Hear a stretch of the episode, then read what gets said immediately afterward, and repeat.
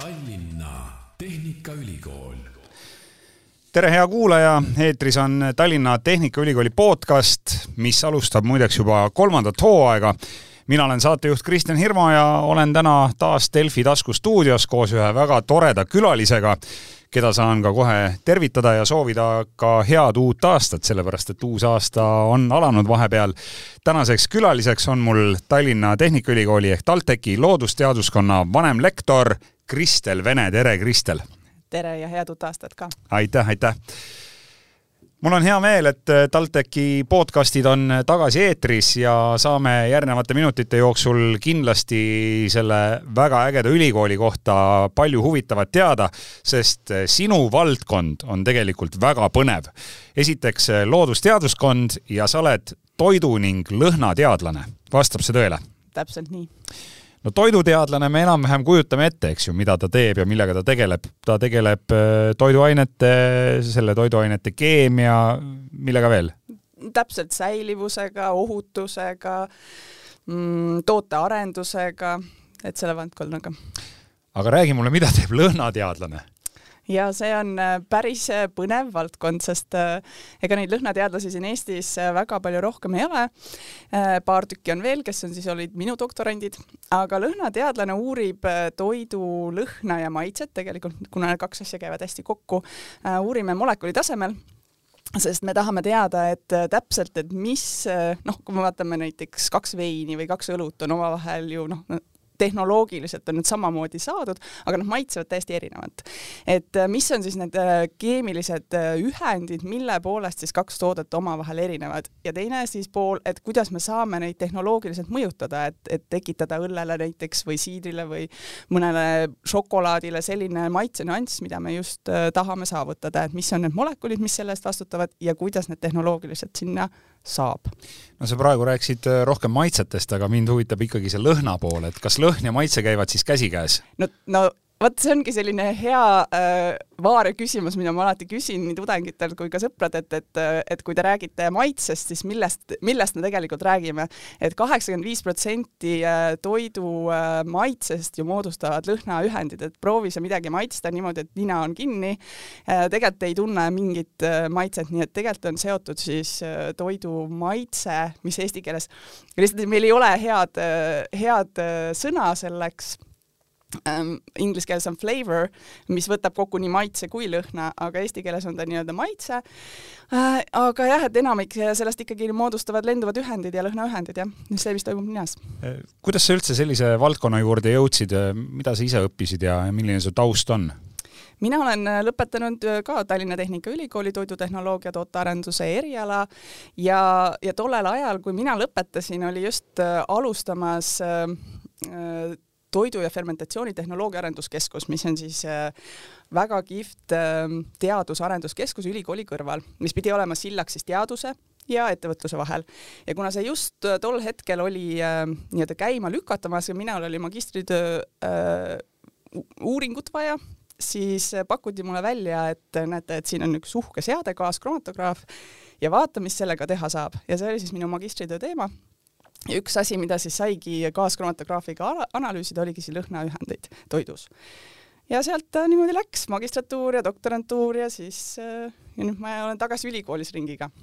ja teed oma tööd suurima heameelega, ma usun absoluutselt, ma ei oleks kunagi arvanud, et mu karjäär lõpeb või äh, noh, ei, keegi pole öelnud, et see lõppenud on, aga et see praegu see on ülikoolis jah, et äh, poleks mitte kunagi arvanud. jah, aga sa oled siis nii-öelda tudengi vaatest nüüd juba hoopis teisel pool. ja teisel pool. jah, kas ähm, enda kooliajast tuleb midagi meelde ka ja, ja mõnikord võib-olla, kui kui seisad seal kuskil auditooriumi või, või klassiruumi ees ja ja mõtled, et ai, nüüd ma panen, siis tuleb võib-olla endal ka tagantjärgi meelde, et, et näed, et äh, olin ise tudengipõlves hoopis samas äh, olukorras ja, ja, ja kuidas, kuidas see selline värskelt nii-öelda ülikoolist tulnuna ja pärast hiljem siis äh, juba hoopis teisi õpetama asununa, et kuidas see suhe, suhestub sul see teema? Ja see on tegelikult väga hea küsimus.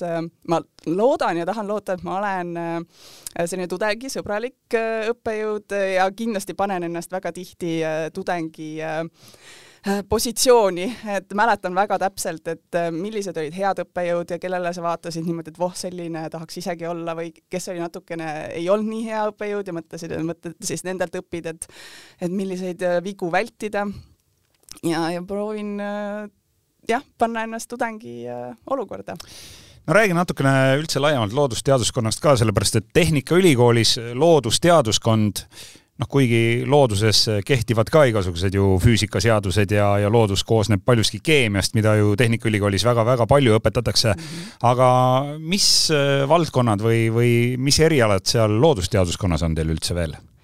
Too mõni välja äkki. no loodusteaduskonnas on meil neli instituuti, on siis geo, geoloogid, et saab õppida nii-öelda, mis, mis toimub maakoore sees äh,. siis meil on meresüsteemide instituut, saab uurida äh, kõike, mis on seotud merega äh,, seda füüsikat seal, seda keemiat, mikrobioloogiat, kõike seda valdkonda äh,. siis ongi Keemia Biotehnoloogia Instituut, kus siis äh, mina töötan äh, kus on biotehnoloogiad, orgaanilised keemikud, erinevad keemikud ja geenitehnoloogid siis koos ja, ja neljas on äh, matemaatikud ja füüsikud nii et nemad kuuluvad ka loodusteaduskonna alla? Mm -hmm. Kõik need äh, valdkonnad, mida sa siin nimetasid, äh, tunduvad selles suhtes ka väga põnevad, et kindlasti saavad tudengid ka teha üüratult palju igasuguseid katseid ja mm -hmm. minna polügoonidele ja kes seal geoloogiaga tegelevad, saavad kivisid korjata ja toksida mm -hmm. neid puruks ja uurida, mis seal sees on, et mm -hmm. et kuidas see praktiline õpe seal loodusteaduskonnas, kui suur roll sellel on? Meil on väga praktiline töö, õpe, need käivad hästi palju käsikäes ja eriti mulle meeldib meie teaduskonnas, kus kohas enamik lõputöid on sellise praktilise väljundiga, et kas meil on ettevõtluspartner, kes, kellel on reaalne probleem, mida tuleb lahendada, et need need on alati hästi suured plusspunktid, pluss siis tulebki praktikal käia, näiteks toidu, toidutehnoloogid käivad kõik toidutööstustes praktikal, et see on suur osa ka äh, nii-öelda sellest äh, praktikast. sellis-, sellised äh, erialad ja õppeained, mida siis nii-öelda ainult puhtalt paberi peal ei õpi? no ma ei tea, kui palju matemaatikud ja füüsikud nüüd äh, praktikat teevad, et, äh, et sellega ma kursis ei ole, aga Keemia Biotehnoloogia äh, Instituudis küll on väga palju praktikat no räägime natukene veel teadusest ja ülikoolid on ju teadusasutused ja seal uuritakse igasuguseid põnevaid asju, et kas sul on endal ka mingi kindel teema, noh, me teame juba, et eh, sinu teema on toit ja lõhnad, aga, aga kui nüüd veel natukene peenemaks minna, et eh, mis on see sinu, see miski, mida sa oled uurinud, mis sind nagu ennast väga huvitab või, või mis on sul parajasti käsil um...? jah, ma olen toidu, lõhna ja maitse teadlane, aga mind hästi spetsiifiliselt huvitavad just nagu toidu kõrvallõhnad ja kõrvalmaitsed, ehk siis ähm, kui tuleb minu juurde ettevõte, kes ütleb, et ma iga päev toodan vorsti või iga päev toodan seda jooki, aga vaata, täna läks midagi valesti ja see maitseb maitseb teistmoodi. ja, ja minu ülesanne on siis üles leida, et noh, et ma võrdlen siis seda nii-öelda normaalset toodet ja, ja seda, mis ei ol-, ei, midagi on nagu valesti läinud, neid kahte asja ja siis ma saan nii-öelda keemiliselt äh, aru, et mis nendel siis nagu vahet on, et mis siis nagu nüüd äh, teistmoodi läks. ja siis pärast peilida välja, et okei okay,, et, et kus see, kui ma tean juba, mis see molekul on, et kus on need reaktsioonid, mis, mis see tõenäosus on, et kustkohast need võivad tekkida.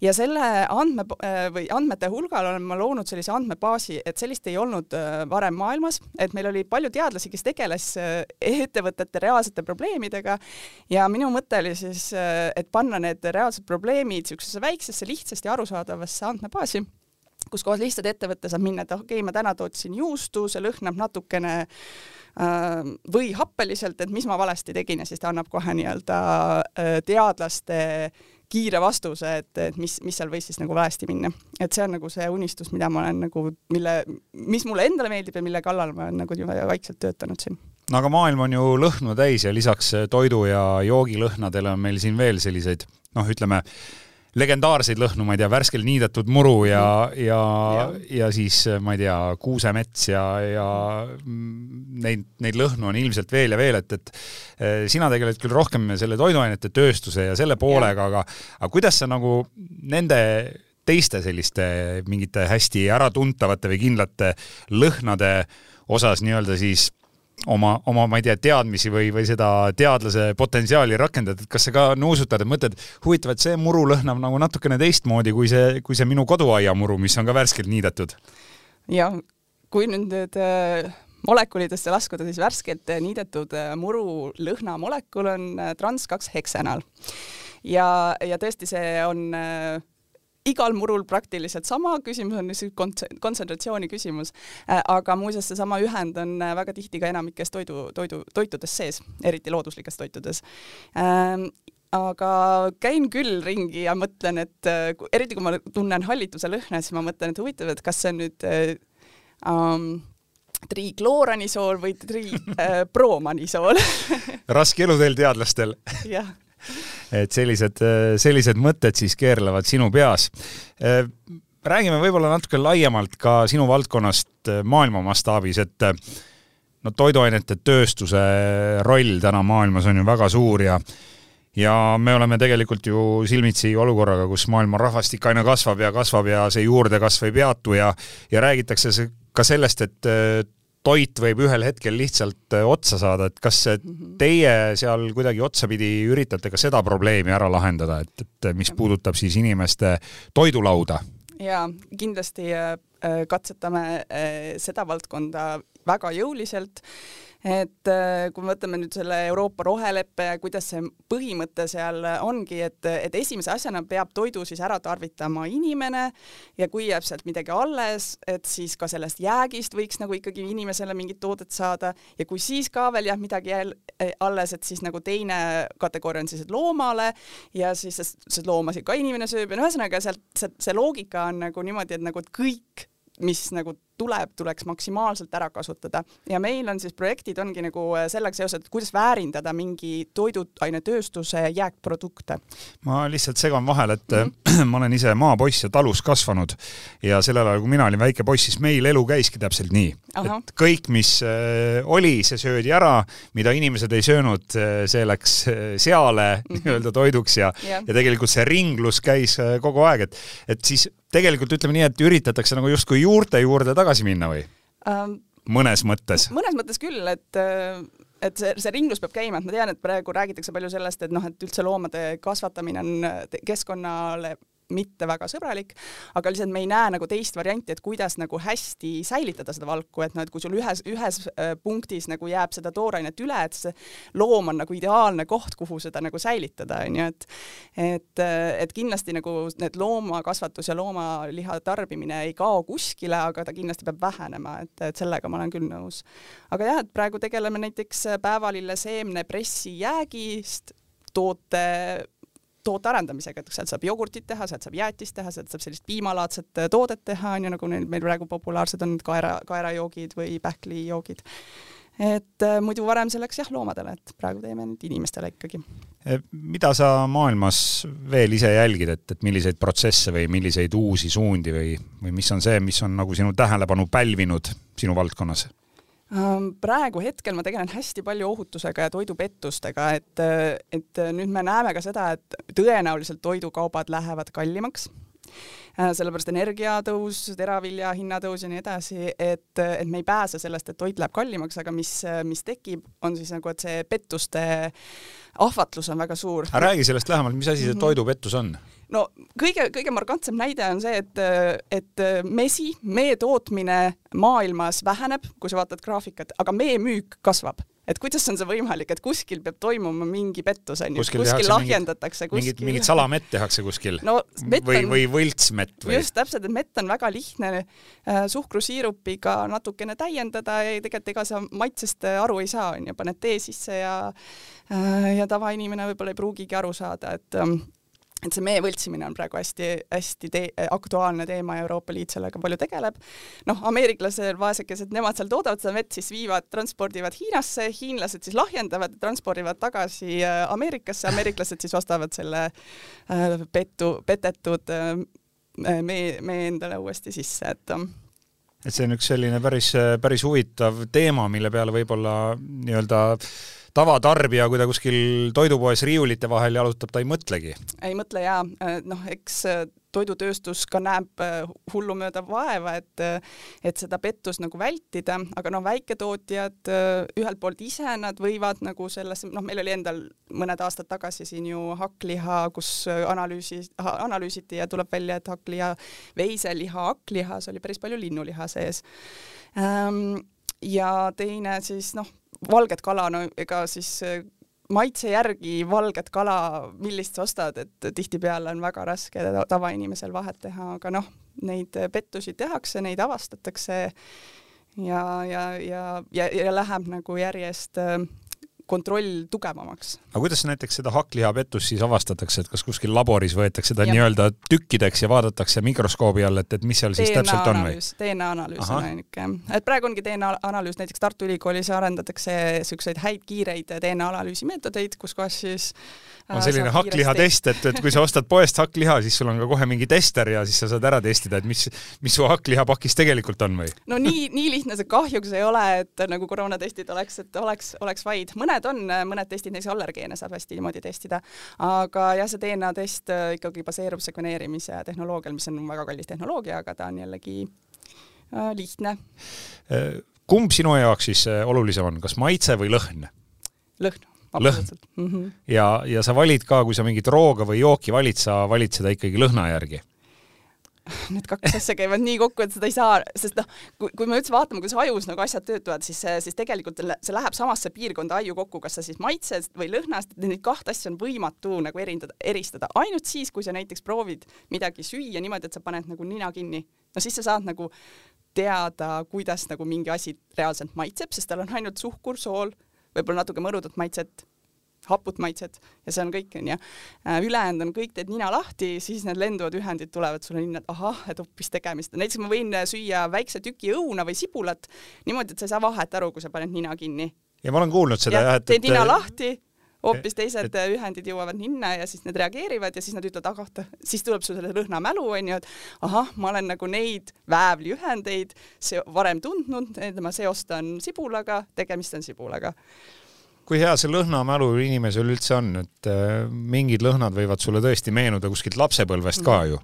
ja tegelikult äh, meenubki selles äh, osas me ju esimest korda puutume kokku lõhnadega lapsepõlves ja seal me õpime, see on, see on see koht, kus kohas see mälu tekib ja ülejäänud aastad, mis me elame, me lihtsalt nagu kogu aeg võtame sealt nagu selle, ahah, okei okay,, seal ma see, olen seda lõhna nagu tundnud, onju, ma tean, et see käib, ma ei tea, värskelt niidetud muruga kokku, onju.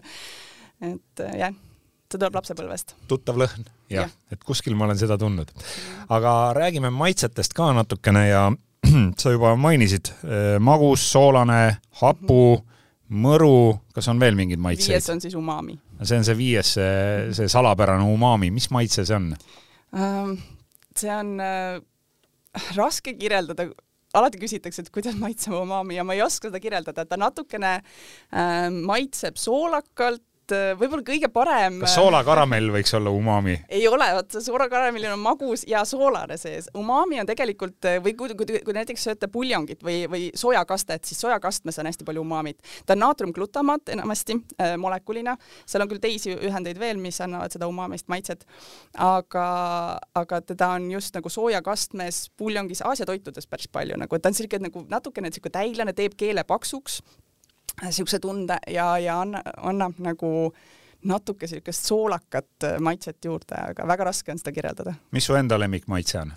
no magus. magus ei ole küsimustki ah, aga, aga millist maitset sulle kõige rohkem meeldib uurida äh,? mõrudat see, see on äh, ka, minul on üks praegu üks doktorant, kes uuribki äh, mõrudat äh, maitset, sest praegu on hästi populaarne teema jälle, et kuidas siis vähendada toidus soola ja suhkrut, sellepärast et me tarbime soola ja suhkrut liiga palju.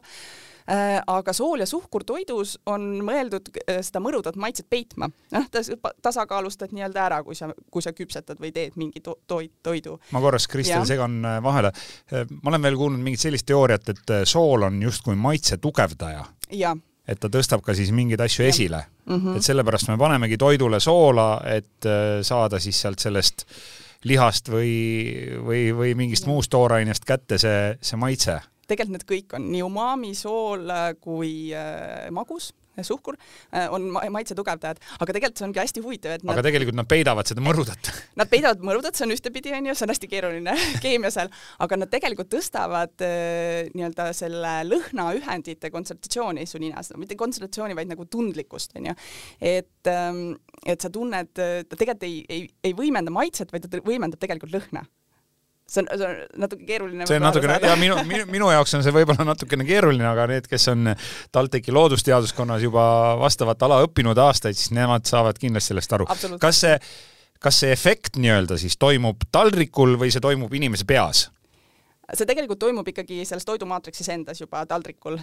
seal, seal on mm, kohe, kui ma nüüd natukene meenutan, mis see füüsika seal taga on et äh, põhimõtteliselt ta, sa nagu kontsentreerid äh, seda lahust, onju, see on natukene nagu kui, kui me viskame nagu äh, soola tee peale, onju, siis me, ta ei, ta ei jäätu ära, onju, nii kergesti, et seal on sam, sar, samamoodi, et seal toimub selline soola kontsentratsiooni tõus ja tänu sellele ta siis lükkab neid lenduvaid ühendeid nagu paremini sellest nagu toidumaatriksist välja, onju aga kuidas seda soola ja suhkru osakaalu toidus vähendada, et ma saan aru, et see on üks teema siis, millega mm -hmm. sa tegeled. Äh, kui me paneme vähem soola, vähem suhkrut, see tähendab ka vähem maitset, vähem aroomi mm, -hmm. rohkem äh, mõrudat, inimene yeah. ei ole ju väga mm -hmm. mõruda või mõru, mõrumaitse sõber. et kuidas, kuidas see käib siis, see soola-suhkru vähendamine? see on väga põnev, seal on äh, palju erinevaid lahendusi. Äh, üks asi ongi see, et see mõru maitse äh, sinna tekib ja kas, kas seda, seda mõrudat maitset saab kuidagi kapsuleerida või peita. näiteks praegu me tegime just eelmine aasta üks magistrant kaitses lõputöö sellest, et on seentest eraldatud ekstrakt, mille sa paned hästi väikses koguses toidu sisse ja kui sa seda koos toiduga sööd, siis see Äh, seentest eraldatud ekstrakt peidab ära sinu keele peal või ta seob, äh, seostub sinu mõruda retseptoritega, nii et sa ei tunne mõrudat maitset lihtsalt. ja sa, sa saad sedasama toitu süüa, äh, nii et kolmkümmend kuni viiskümmend protsenti vähem suhkrut, aga tegelikult maitse nagu ei ole mõjutatud sellest. et, et on selliseid lahendusi, on selliseid lahendusi, kus, kuidas siis lõhnaühendeid näiteks intensiivistada, et, et lõhnaühendid, nad ei oma mingit kaloraaži, onju, aga et panna näiteks rohkem äh, lõhnaühendeid äh, toidu sisse, siis tundub nagu oleks äh, palju intensiivsem maitse, aga tegelikult see ei ole seotud selle magusaga või suhkruga seal sees, vaid hoopis lõhnaühenditega.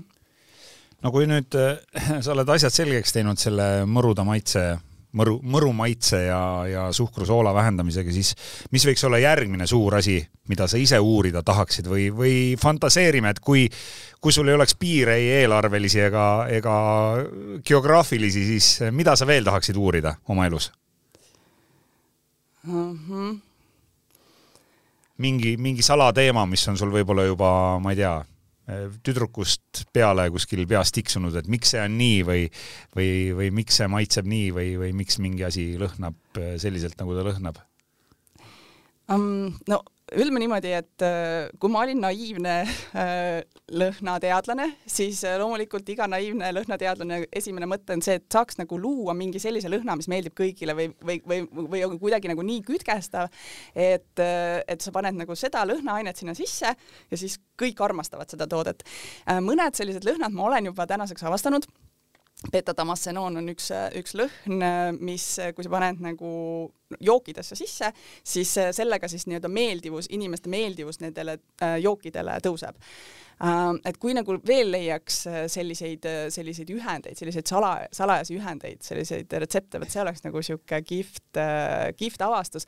aga ma enam ei ole nagu nii naiivne, et, et ma tõesti suudan nagu teha sellise toote, mis kõigile meeldib, sellepärast lihtsalt inimesed on nii erinevad, et, et, et ei ole võimalik sihukest asja teha, et, et jah, mul, mul, mul niimoodi sellist nagu unistust selles valdkonnas ei ole, ma pigem noh, kuna ma tegelikult küll olen jah, lõhna maitseteadlane, aga ma vaatan ikkagi toiduteadust nagu laiemalt, siis võib-olla kõige suurem unistus või mida ma vaatan, et kuidas nagu lahendada see pakendite probleem. et ma just tulin Egiptusest, kus me käisime äh, safaril seal kõrbes ja, ja kõik oli väga kihvt äh, ilm ja siis, et sa ATV-dega sõita seal äh, kõrbel uitades, aga lihtsalt see plastikukogus, mis on iga nagu selle põõsa tüki peal seal ei ole ühtegi põõsast, mis ei oleks ilma nagu kilekotita või, või, või toidupakendita. et kuidagi me peame selle, selle pakendite probleemi lahendama, et seda ma küll nagu väga-väga jälgin no jälle ma võin rääkida oma lapsepõlvest, sellepärast et mina mäletan ka seda aega, kui vorst keerati kaupluses paberisse, ta oli seal nii-öelda lahtiselt letis ja mm, -hmm. ja müüja lõikas sulle paraja tüki ette. et kas toiduained on siis selles suhtes ka muutunud, et on muutunud ju nende pakendamine, igasugused säilivusajad, et kui palju see toit üldse on, ütleme, viimase paarikümne või kolmekümne, neljakümne aasta jooksul muutunud? Ma ei julgeks arvata, et toit on muutunud äh,, inimesed on muutunud mugavamaks. lihtsalt see on, see on muutunud, et me tahame, et see, see vorst, kahjuks kui sa paned, ta sinna pakendi sisse, sa pead selle ühe-kahe päevaga ära tarbima, sest ta lihtsalt ei, ei püsi kauem. aga mida meie tahame, me tahaks, et see vorst oleks ka kahe nädala pärast veel söödav, et noh, täna söön natuke ja homme söön natuke ja, ja ülehomme ja et, et see on nagu see probleem ja teine on see, et me tahaks nagu kaugele eksportida oma tooteid, ta peab äh, säilima. et, äh, et võib-olla nagu seda, seda mõttemalli peaks muutma, et, et kohalik toit äh, nagu lühikese säilivusajaga on, on kvaliteetsem äh, kui see, et mis säilib nagu kaua-kaua, et äh, et see on ka niisugune nagu valdkond, mida peaks äh, rõhuma võib-olla inimestele kas kohalik toit, mis säilib äh, vähem, ei ole mitte kallim kui see, mis tuleb kuskilt kaugelt ja Kahjuks ja, ja seisab, seisab kauem, aga miks ta on kallim um...? mis selle tootmise siis kallimaks teeb või, või see on lihtsalt selline hea, hea võimalus nii-öelda tarbija käest rohkem raha küsida? Ei, ma ei usu, äh, ma ei usu, et äh, küsimus on mahtudes, et need, kes toodavad selliseid tooteid, mis kaua säilivad, nad lihtsalt suudavad toota hästi suurtes mahtudes väga so soodsalt. Äh, ja kui neil on väga pikk säileaeg, siis neid saab nagu kaugele transportida, nendel ettevõtetel läheb juba paremini, sest nad saavad eksportida. meie kohalikud väiksed tootjad, nad toodavadki mm, noh, ainult lokaalsele turule, äh, neil puudub äh, võimalus võib-olla isegi ähm, massi toota, noh, seal, sealt tulevadki need erinevused. ja, ja ega seda värsket piima teisele poole maakera mm -hmm. noh, piltlikult öeldes sa ei saagi niimoodi sellisel kujul transportida. -hmm. no sa just mainisid, et tulid reisilt Egiptusest, mis lõhnu sa seal tundsid? tundsid sa seal mõnda eriti ebameeldivat lõhna ka? kusjuures ei, ma olin, ma olin väga positiivselt üllatunud, äh, aga mis oli huvitav, oli see, et ähm, Egiptus on kõrb, onju, seal sajab e, viis päeva aastas e, vihma ja meil just õnnestus saada see vihm.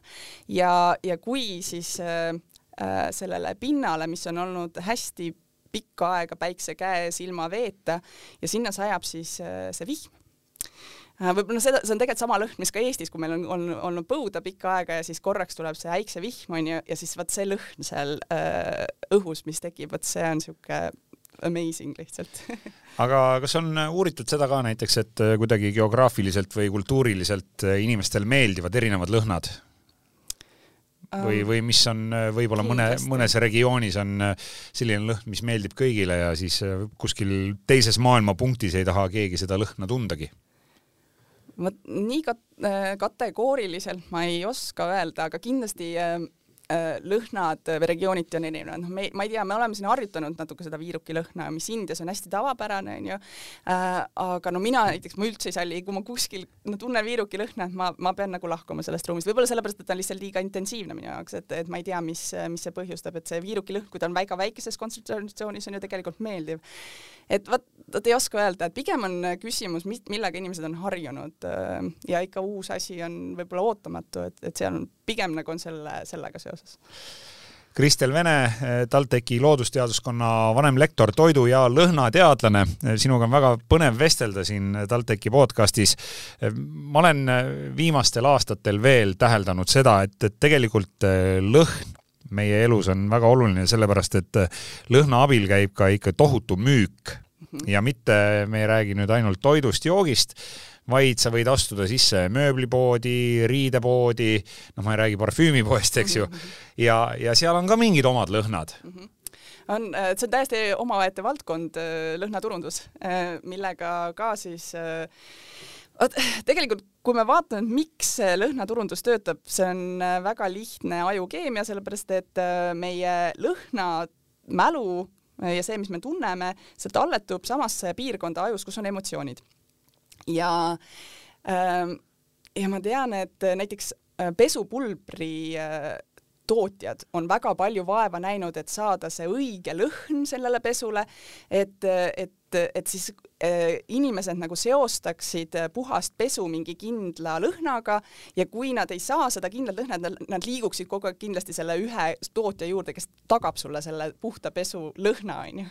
et no see on üks näide lõhnaturundusest, teine on see, et ongi, sa seod inimese lõhnamälu, emotsiooni, et sa pakud talle mingit ägedat emotsiooni äh, ja taustal on mingi kindel lõhn ja kui sa nüüd seda lõhna kordad kuskil teises kohas, siis tal tuleb see emotsioon meelde. ahah, vot see oli lahe koht, ma sain seal ägeda emotsiooni ja, ja seda siis püütakse nagu taas äh, käivitada, onju, kas siis poed üritavad seda, näiteks spaad üritavad seda saavutada. et, et see on see on jah. kas see võiks olla mingi uus eriala, mida äkki TalTechis nii-öelda siis proovida õppekavasse võtta, lõhnaturundus, et kuidagi majandusteaduskond ja loodusteaduskond panevad seal seljad kokku ja hakata koos mingit, mingit ja. uut asja ajama äkki? jaa, absoluutselt, nii-öelda. Aga kui nüüd kuulab meie podcasti keegi, kes tunneb, et, et see on väga põnev, siis räägi mida, mida seal loodusteaduskonnas ja ka, ka siin siis nii-öelda sinu, sinu osakonnas õppida saab ja, ja, ja mida seal tudengitel üldse õnnestub siis veel teha ja, ja milliseid teadmisi omandada? Võib-olla kõige lihtsam mul ongi rääkida sellest äh, toidu äh, ja toiduosakonnast, et mis me teeme. Äh, meil, me õpetame nii toidutehnoloogiat kui ka toitumist, mis, mis on selline selles mõttes hea ala nagu kindla peale minek, sest nagu toit oli, on ja jääb inimesega kaasas, on ju, paratamatult iga päev toitud ja see õpetab sind ennast õigemini toituma, võib-olla oma, oma lähedasi äh, äh, valima nii-öelda paremaid või tegema õigemaid toiduvalikuid ja ja kindlasti siis neid tehnoloogilisi etappe, siis toiduohutust, hügieeni õpetame, tootearendust, kuidas siis need, need tooted sinna lettidele jõuavad, mis meil iga päev äh, toidukorvi satuvad ähm,. biotehnoloogiat ongi, et kuidas siis nii-öelda, taha öelda, aga sitast saia saaks teha, onju. et äh, et jah, et toitu väärindada, me teeme, praegu on väga äge projekt äh, pooleli, et kuidas me teeme saepurust Äh, saepuru suhkrutest teeme täisväärtuslikku toitu, et seda ei ole varem minu meelest äh, paljud te suutnud äh, teha, aga näed, meie omad tegid. see kõlab umbes nagu Eesti kirjandusklassikast, sealt kuulsuse narridest, kuidas Jaan Tatikas üritas teha paekivist sealiha, et, et läheb enam-vähem sinnakanti selle erinevusega, et, et teie masin ka siis nii-öelda töötab. jah töötab ja täitsa maitsev asi on ja seda saab toiduks tarvitada, seal on ja sa saad biotehnoloogiliselt, sa saad täpselt sellise toidu teha, nagu sa tahad, sa paned sinna täpselt nii palju oomega kolm rasvhappeid, me teame, et oomega kolm rasvhapet me liiga vähe tarbime, et paneme seda sinna sisse ja karotenoide, vitamiine, et täpselt teha sellise toote nagu see ei ole siis nagu päris laboritoit, sellepärast et ma saan aru, et selleks, mida või noh, mida nimetatakse laboritoiduks, et seda ikkagi üritatakse sünteesida jah, et meil, meil, meie kasutame äh, baktereid.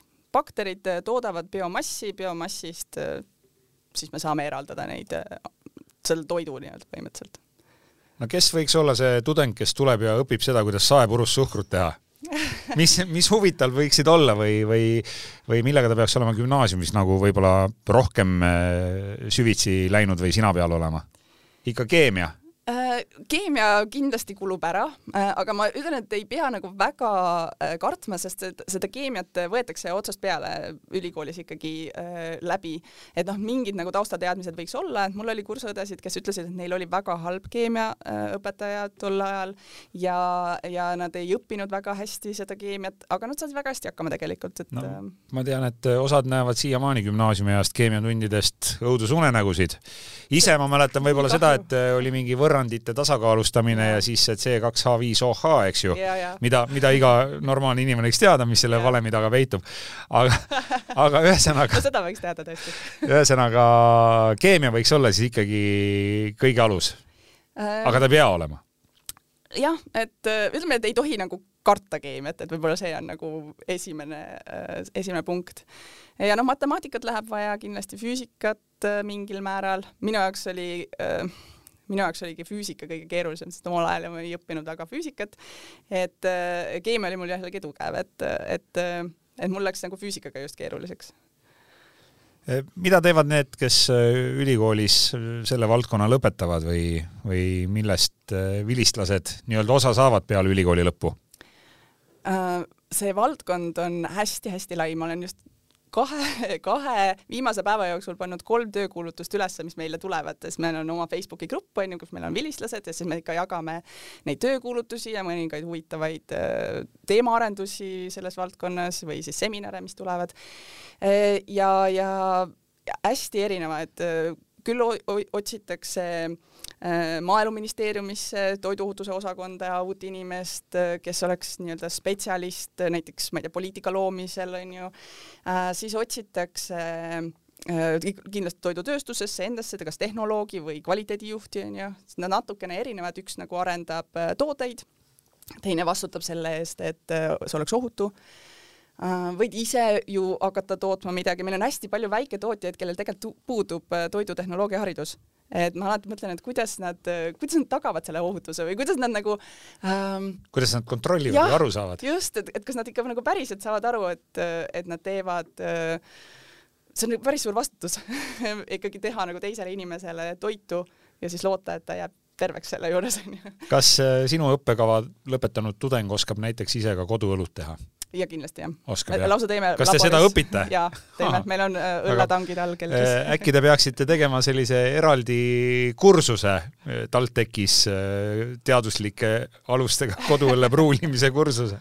jaa, kusjuures see on päris hea mõte, kuigi meil mikrokraadide, me anname seda pooleaastast mikrokraadi nüüd välja, et seal on minu meelest fermenteerimiskursus sees, nii et äh, saab küll nii et äh, teie valdkonna inimesed saavad tööd nii avalikus kui erasektoris? jah. No see kõlab kõik väga põnevalt, kellel nüüd huvi tekkis, siis äh, ma ütlen seda, et äh, vastuvõtt Tallinna Tehnikaülikooli on avatud ja kohe ütlen selle aadressi ka, kus kõikide õppekavadega tutvuse saab. aga viimased paar küsimust, Kristel, sulle veel ja tuli jutuks äh, siin ka ikkagi juba viimased paar aastat äh, maailmas äh, elu väga palju pea peale pööranud koroonaviirus. kas sul endal on olnud selle viirusega kogemusi mm? -hmm, kahjuks on kokkupuude, jah. ja kas see nii-öelda noh, ei saa öelda legend, aga kas see sümptom vastab tõele, see esineb inimestel ja kas see esines ka sinul, et sul kadus lõhna ja maitsetaju äh,?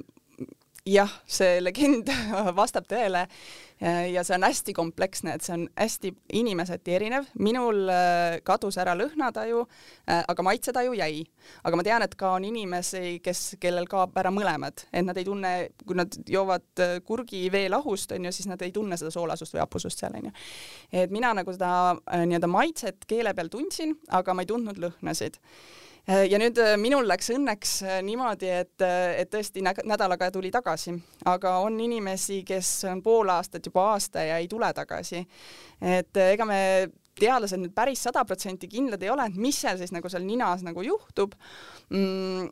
et kui see läheb nagu lühiajaliselt ära ja tuleb tagasi, et siis tõenäoliselt see koroona nagu Äh, mõjutab neid äh, retseptorite tugirakke ja see retseptor nagu piltlikult öeldes vajub kokku, ta ei tööta nagu nii hästi, aga ta ei, ta ei hävita nagu seda retseptorrakku. ja kui mina olin koroonas, siis äh, näiteks ma tundsin, ma käisin iga päev, nuusutasin äh, selliseid eeterlikke õlisid, midagi hästi tugeva lõhnalist ja püri, üritasin siis nagu meenutada, kuidas nad lõhnavad äh,. aga mis no, tunne see on, kui sa lõhna ei tunne? päris karm, mul oli, mul oli paanika, mul oli tõesti paanika, ma, ma, ma mäletan, et ma sõin nagu hästi palju, sellepärast et ma maitseid tundsin ja siis ma üritasin nagu kuidagi kompenseerida kompenseerida oma seda, seda lõhnataju puudumist äh, ülesöömisega et, et mul oli tõesti paanika, aga õnneks see nagu siis, kui ma hakkasin juba tajuma kolmandal või neljandal päeval äh, eeterlike õlide lõhna seal taustal, et ma nagu nuusutad äh, teepuõli ja sa tunned, et oh, seal vist midagi on. et, et siis mul hakkas nagu, nagu tagasi tulema see positiivne lootus, et äkki tuleb tagasi. aga nii nagu inimestel teinekord kas läbi mõne õnnetuse või, või lihtsalt looduse vingerpussina äh, Äh, kaob ära nägemis- või kuulmismeel, kas võib samamoodi kaduda või inimene sündida ül-, üldse ilma ja. maitsmis- või haistmismeeleta või, või kaduda? maitsmismeeleta ma isegi väga ei ole tundnud, aga haist- äh,, haistmismeelega küll. täpselt samamoodi ka õnnetus, äh, kuna ta on siin kuklas peas äh,, täpselt samamoodi nagu nägemismeelega, et sa võid ikkagi kukkudes kaotada ära haistmismeele ja sellest üsna vähe räägitakse, et meil on tegelikult kakskümmend kuni kakskümmend viis protsenti anosmikuid, kes siis ei tunnegi lõhna.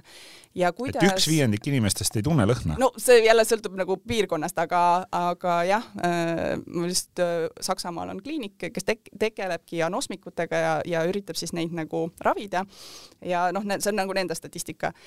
ja, ja tegelikult on võimalik seda taastada Äh, kui see on nagu nii-öelda õnnetuse tagajärjel läinud või haiguse tagajärjel, nagu siin koroona, et, et iga päev tulebki nuusutada mingeid selliseid kangeid äh, lõhnasid, meenutada, kuidas need võiksid nagu lõhnada, kui sa mäletad, treenida oma lõhnamälu ja see kliinik ka ütles, et äh, noh, see taastumise protsent pole nüüd liiga suur, kuskil kaksteist kuni viisteist protsenti, aga noh, vähemalt mingigi lootuse annab, onju. ja see on ikka see, mida mina nagu koroona ajal üritasin teha, et, et, et treenida, treenida, treenida erinevate lõhnadega ja üritada me meenutada, kuidas nad lõhnavad no vot, kui sul nüüd tekkis äh, veel rida lisaküsimusi, siis ma arvan, et sa pead ikkagi minema ise koha peale. Tallinna Tehnikaülikooli TalTechi vastuvõtt käib ja kõikide õppekavadega saad sa tutvuda internetis äh, aadressil teejuht.taltech.ee ja miks mitte siis astuda sisse ka juba näiteks loodusteaduskonda ja, ja kohtuda juba siis Kristeliga ja esitada kõik oma küsimused talle suur-suur tänu sulle, Kristel Vene, et said täna aega siia TalTechi podcasti tulla. aitäh, oli väga tore ja mina, Kristjan Hirmu, tänan ka kõiki, kes kuulasid saate ära, kõik saated on kuulatavad ka Delfi taskukeskkonnas, lisaks Spotify's, Apple podcastis ja teistes suuremates rakendustes. otsige podcastid üles, hakake jälgijaks ja nii jõuavad kõik uued saated esimesena just sinu taskusse. suur tänu kuulamast järgmine TalTechi podcast eetris juba õige pea.